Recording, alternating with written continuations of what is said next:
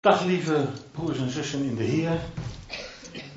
Een volle bak, dat is altijd leuk.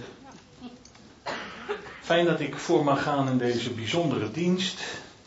Die in het teken mag staan van Gods liefde voor kinderen. En nu vandaag in het bijzonder voor de twee jongste kinderen van David en Manouk. Dat zijn Boas en Elin. Ook een hartelijk welkom aan de wederzijdse grootouders.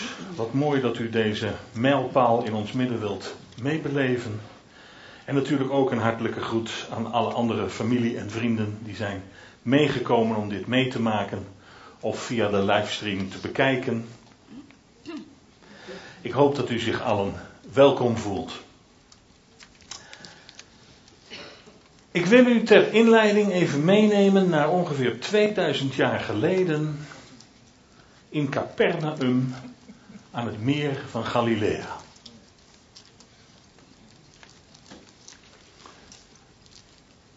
Mama, ik ben thuis. Ha, Rafael, dag lieverd. Fijn dat je weer veilig thuis bent. Hoe was het om met oom Ruben en met Rabbi Jezus op reis te zijn? Oh, het was geweldig. We zijn heel ver weg gegaan.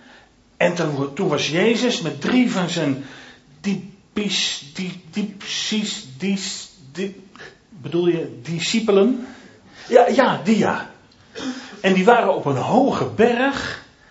En toen duurde het heel lang.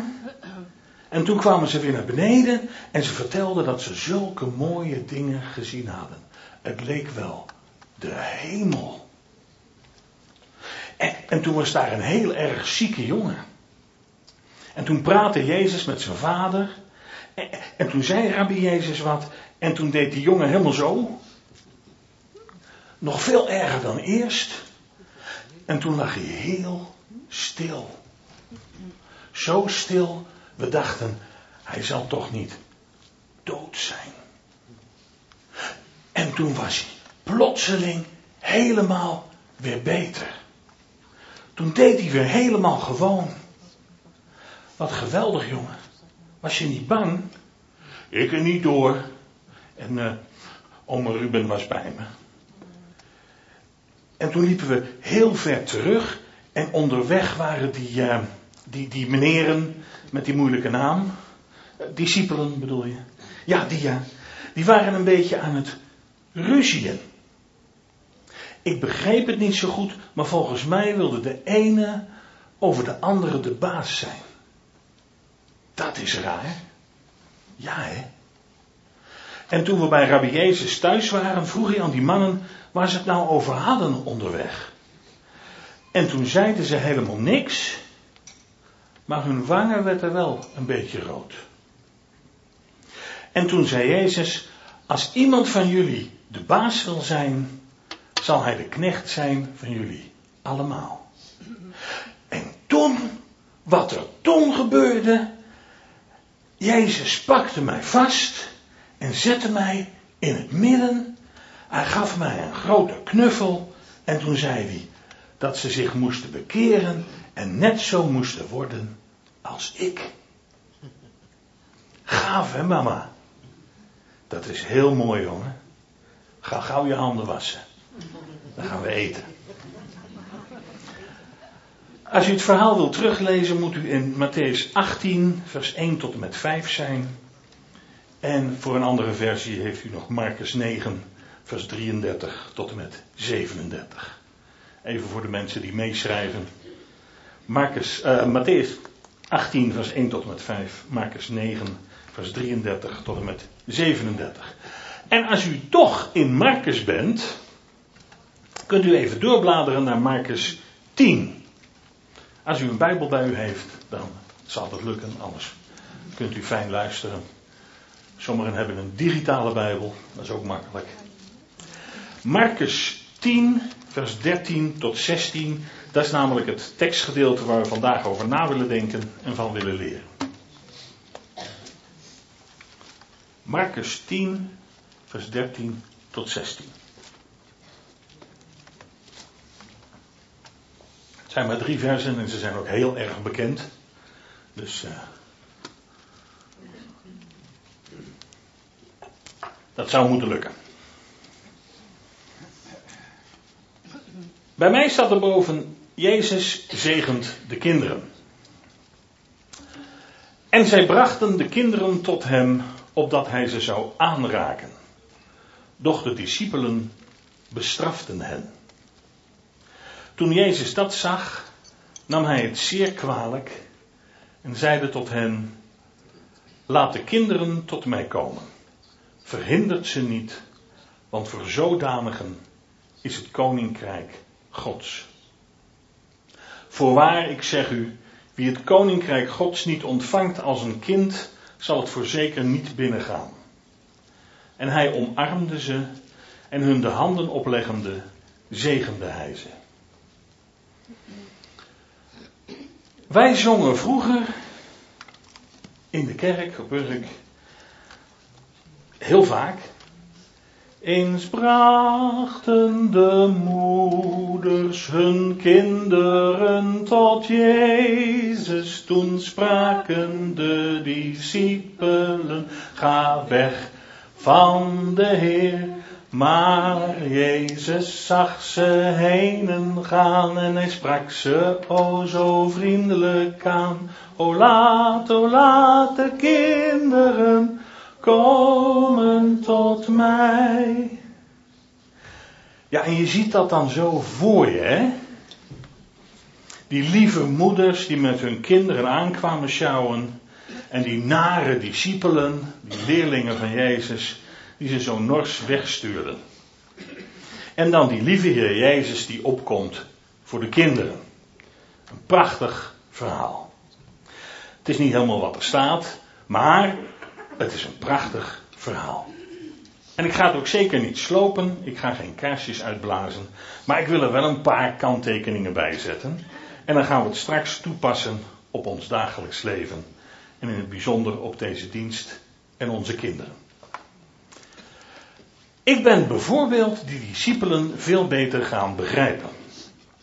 Ik zag namelijk dat het Griekse werkwoord dat er staat aangeeft dat dat regelmatig gebeurde. Alle rabbies werden in die tijd vaak gevraagd om voor kleine kinderen te bidden en hen te zegenen door handoplegging. In Marcus staat het algemene woord voor kinderen, maar Lucas vermeldt erbij dat het kleine kinderen zuigelingen waren. Zoals Elin. Hetzelfde woord wordt bijvoorbeeld gebruikt voor het pasgeboren kindje Jezus in de kerstgeschiedenis in Lucas 2. Binnenkort gaan we het er weer over hebben. Dus je kan je wellicht wel voorstellen als je als discipelen net weer eens een roteind hebt gelopen, want ze liepen wat af, eindelijk bij Jezus thuis was aangekomen en dan de voetjes omhoog wilde doen en daar kwamen ze weer. Met die baby's en peuters, soms een beetje jankend, aanleuren. Ik kan me, nu ik dit weet, hun reactie veel beter voorstellen. En uh, sorry zusters, maar in die tijd werden vrouwen en kinderen als niet zo belangrijk gezien. In het algemeen in de maatschappij, ja, het ging vooral over de mannen. En dan met name de oudere mannen die, daar werd naar geluisterd. Die maakten de dienst uit. Kinderen moest je zien, maar niet horen. Misschien dat sommigen van jullie die uitdrukking nog wel kennen. Maar Jezus reageert heel anders. Jezus is boos. Echt boos dat ze dit doen. Alleen Marcus heeft hier een woord dat qua betekenis gaat van geprikkeld, ontzet tot woedend. Hij nam het ze zeer kwalijk, laten we.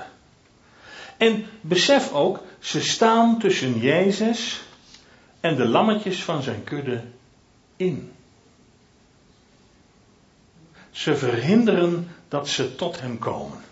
En dat mag niet. Dat mag nooit. Jezus houdt zielsveel van kinderen.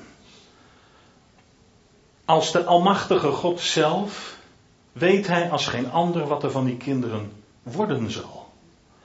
Hij ziet het potentieel in die kinderen. En hoe belangrijk het is om goed te zijn voor kinderen.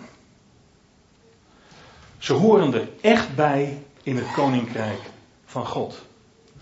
Sterker nog, je moet jezelf net zo gering achten als zo'n kind, eh, net zo klein van jezelf denken als zo'n kind, wil je überhaupt het koninkrijk binnengaan.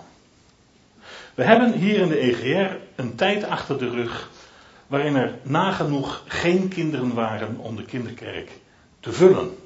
Dat vonden we heel erg. Want uiteindelijk zijn zij natuurlijk de toekomst van de kerk. En daarom zijn we God zo dankbaar dat er kinderrijke gezinnen, zoals het gezin dat vanmorgen enigszins centraal staat, bij ons zijn gekomen.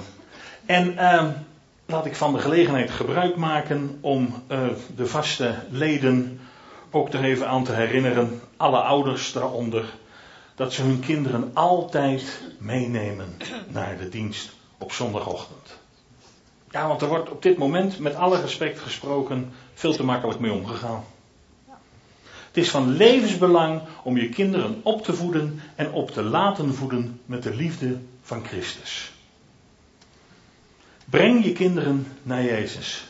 Sta hem niet in de weg. Oh ja, en ik zong eens brachten de moeders. Ja, dat staat er ook niet. Uh, sterker nog, het waren getuigen de mannelijke vormen van de woorden. Mannen, vaders, die hun kinderen bij Jezus brachten. Vaders, in dit geval David. Besef dat je een ongelooflijk belangrijke taak hebt als priester van je gezin om je kinderen bij Jezus te brengen. En vaders in het algemeen, ik roep jullie op om je kinderen in alles voor te leven hoe het is om een kind van God te zijn. Ik snap wel, je kan ze niet dwingen, je kan ze niet, uh, als ze andere wegen gaan, zeggen van dat moet je niet doen en nu ga je naar de kerk en anders dan word ik heel erg boos. Dat, dat gaat niet, dat snap ik wel, op een bepaald moment houdt dat op. Maar dit kan altijd. Voorleven hoe het is om een kind van God te zijn. Ik had wel eens nog best kleine kinderen in de klas, eh, tijdens mijn opleiding onder andere, die vloekten als dokwerkers. Bij het minste of geringste werd Gods naam misbruikt. En dat hebben ze natuurlijk niet van een vreemde. Als je het ze vroeg, gaven ze direct zonder schroom toe. Ach, mijn vader zegt dat ook altijd. Is dat niet goed dan? Ja, en dan zit je dan als beginnend docent. Hoe lossen we dit nou weer op? Maar het gaat er mij even om. Goed voorbeeld doet goed volgen. Maar andersom is zeker ook waar. Een voorbeeld zijn, voorleven in al je doen en laten, dat is zo belangrijk. Vaders, neem dat nou mee. Voorleven hoe het is om een kind van God te zijn. Jezus zegt dan verder, want voor zodanigen, de zulken, beetje ouderwets taalgebruik, is het koninkrijk Gods. Hij trekt het dan breder. Eerst heeft hij het alleen over de kinderen, daarna gaat het over iedereen.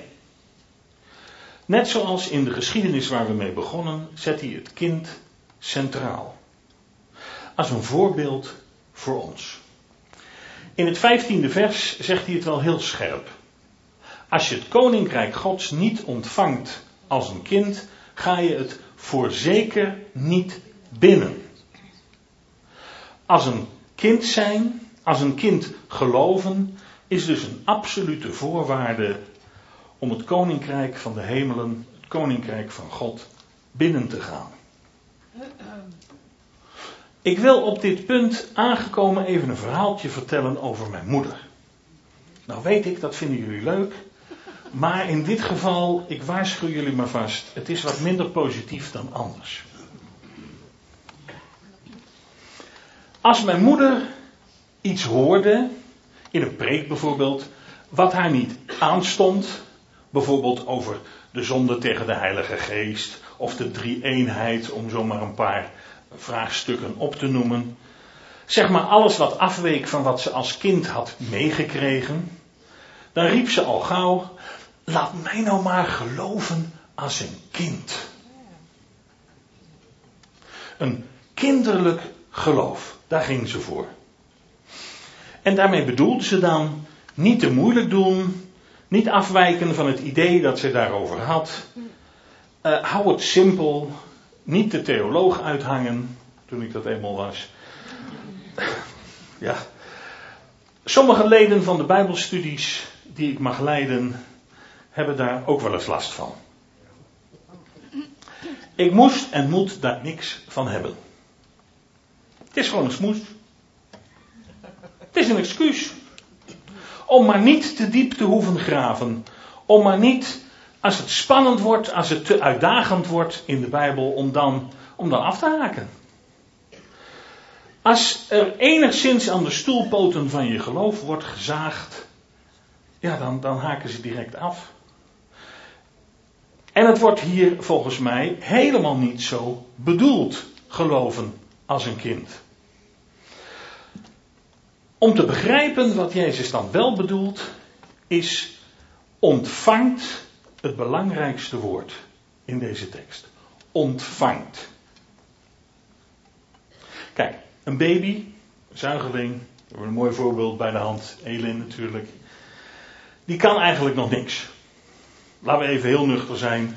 Drinken, poepen, plassen, dat is het wel zo'n beetje. Wat zegt u? Lachen, oh ja zeker ook lachen. Ja, ja, ja. Maar eh, even, even, even voor de duidelijkheid. Zo'n kind is volkomen en volstrekt afhankelijk van haar ouders. Ze maakt niks.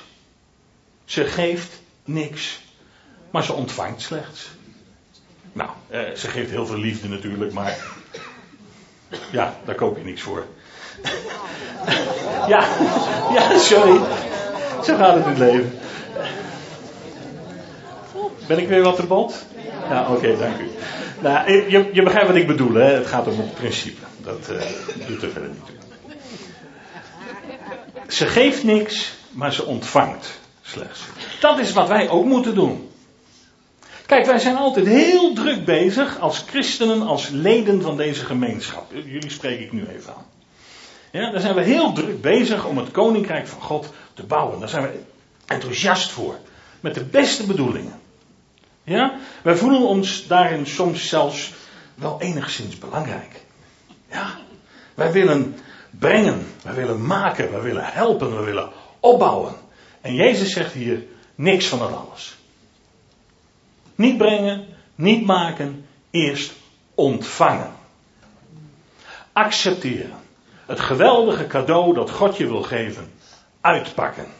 En dankbaar zijn met wat je krijgt. Maar dat, dat afhankelijke, dat ligt ons niet, hè? Dat ligt ons niet. We willen het zelf doen. Een kleuter zegt het al. Zelf doen. Zelf, we willen het zelf doen. Maar dat is niet de bedoeling. Ontvangen, aanpakken. En als je daarna uit dankbaarheid niets anders wil doen dan wat Gods wil is, dan is dat natuurlijk fantastisch. Maar daar hangt je behoud niet van af. Eerst gewoon aanpakken, uitgenade, onverdiend. Het kind dat in het midden wordt gezet is een duidelijk voorbeeld van hoe we allemaal moeten zijn. Hulpeloos, afhankelijk van de Vader in de hemel. Kijk, je kan niks meebrengen qua goede werken van jezelf.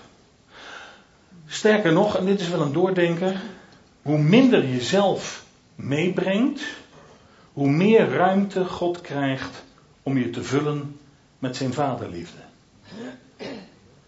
Hoe minder je zelf meebrengt, hoe meer ruimte God krijgt om je te vullen met zijn vaderliefde. Tja, als, een, als mijn moeder het over kinderlijk geloof had, bedoelde ze ook eigenlijk dat een kind, nou, hoe zal ik dit dan wel eens tactisch zeggen, uh, nog niet zo slim is. Nog niet zoveel weet. Maar dat wordt hier echt niet bedoeld. Ik heb al in eerdere preken uitgelegd dat geloven, het woord geloof staat hier dit jaar centraal, dat geloven vertrouwen is. Vertrouwen op God. En ja, een klein kind kan niet anders dan vertrouwen. Het is zo kwetsbaar, zo hulpbehoevend. Hij of zij moet wel met zijn of haar hele ziel of zaligheid vertrouwen. Anders overleeft het kind het niet. Het moet vertrouwen. Het kan niet anders. Zo wordt het bedoeld. Zo scherp staat het hier. David schonk me tijdens het voorbereidende gesprek een prachtig voorbeeld hiervan. Hij zei als Boas bovenaan de trap staat en ik sta beneden met mijn armen zo uitgestrekt, laat hij zich zonder maar één seconde te twijfelen of na te denken zo vallen. Hij heeft een onvoorwaardelijk blind vertrouwen op de sterke armen van papa. Zo moeten we zijn, lieve broers en zussen. Gasten in ons midden, dat moeten we doen. Neem de sprong. Geef je in volledige afhankelijkheid over aan de God die leeft. Hij heeft zijn armen uitgespreid. Hij wacht alleen nog maar totdat je komt. Doe het nou, je zal er nooit spijt van krijgen. In Matthäus 21 vanaf vers 14 lezen we over nog een confrontatie van Jezus met de kinderen. Dan roepen de kinderen in de tempel, nadat Jezus daar vele wonderen heeft gedaan, Hosanna, de zoon van David. En daar ergerden de geestelijk leiders van het volk, de overpriesters en schriftgeleerden, die daar ook waren, zich aan. Ze zeggen, hoor je wel wat deze mensen, deze kinderen zeggen? En dan zegt Jezus, ja, hebt ge nooit gelezen uit de mond van kleine kinderen en zuigelingen, hebt gij lof bereid. Is mooi hè? Is weer een stukje humor van Jezus.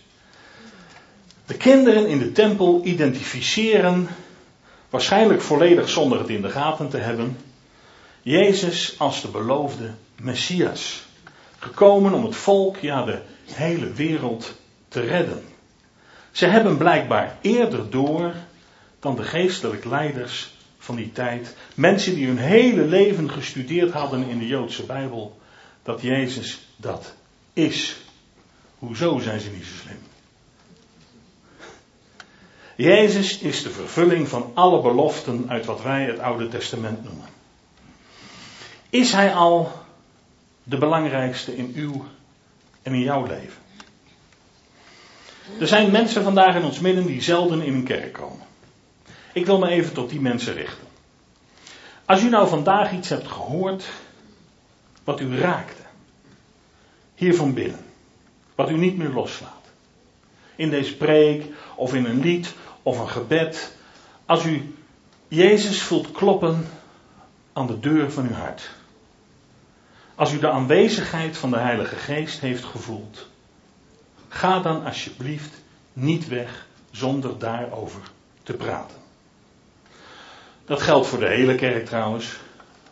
Ons zorgteam is er voor jullie. Ze staan straks bij die tafel daar achterin.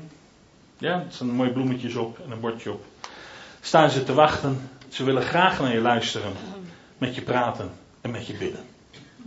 Schroom niet, doe het nou maar. Wat doet Jezus als de kinderen bij hem zijn gekomen? Hij omvangt ze met zijn armen. Is weer zo'n beetje ouderwetse uitdrukking. Wij zouden gewoon zeggen, hij geeft zijn knuffel. En hij legt hen zijn handen op. Zoals ik straks ook mag doen bij deze twee kinderen van het verbond. En hij zegent ze. Iedereen die mijn preek over de zegen heeft gehoord, weet dat een zegen in de Bijbel niet zomaar een vrome wens of een mooie groet is. Er zit kracht in die woorden. Er komt kracht voort uit die woorden. Een zegen is een kostbaar bezit dat van generatie op generatie wordt doorgegeven. Jezus geeft de kinderen daarin alles wat hij van zijn vader heeft gekregen door. Hij ziet ze niet als zomaar kinderen, maar als kinderen van de Vader in de hemel. Ik zeg de hele dienst broers en zussen. Daar komt dat vandaan. In Jezus Christus mogen wij broers en zussen van elkaar uh, zijn. En uh, uh, ja, we kunnen Jezus zien als onze grote broer. Maar ja, hij hecht er niet aan, aan zijn eerstgeboorterecht. Hij geeft het vrij en vrolijk aan ons door. Die zegen, die trouw, ja, wat moet ik daar nog van zeggen? We hebben een goede, gulle, geweldige God. En laten we nu maar gauw de kinderen aan Hem gaan opdragen. Halleluja. Amen.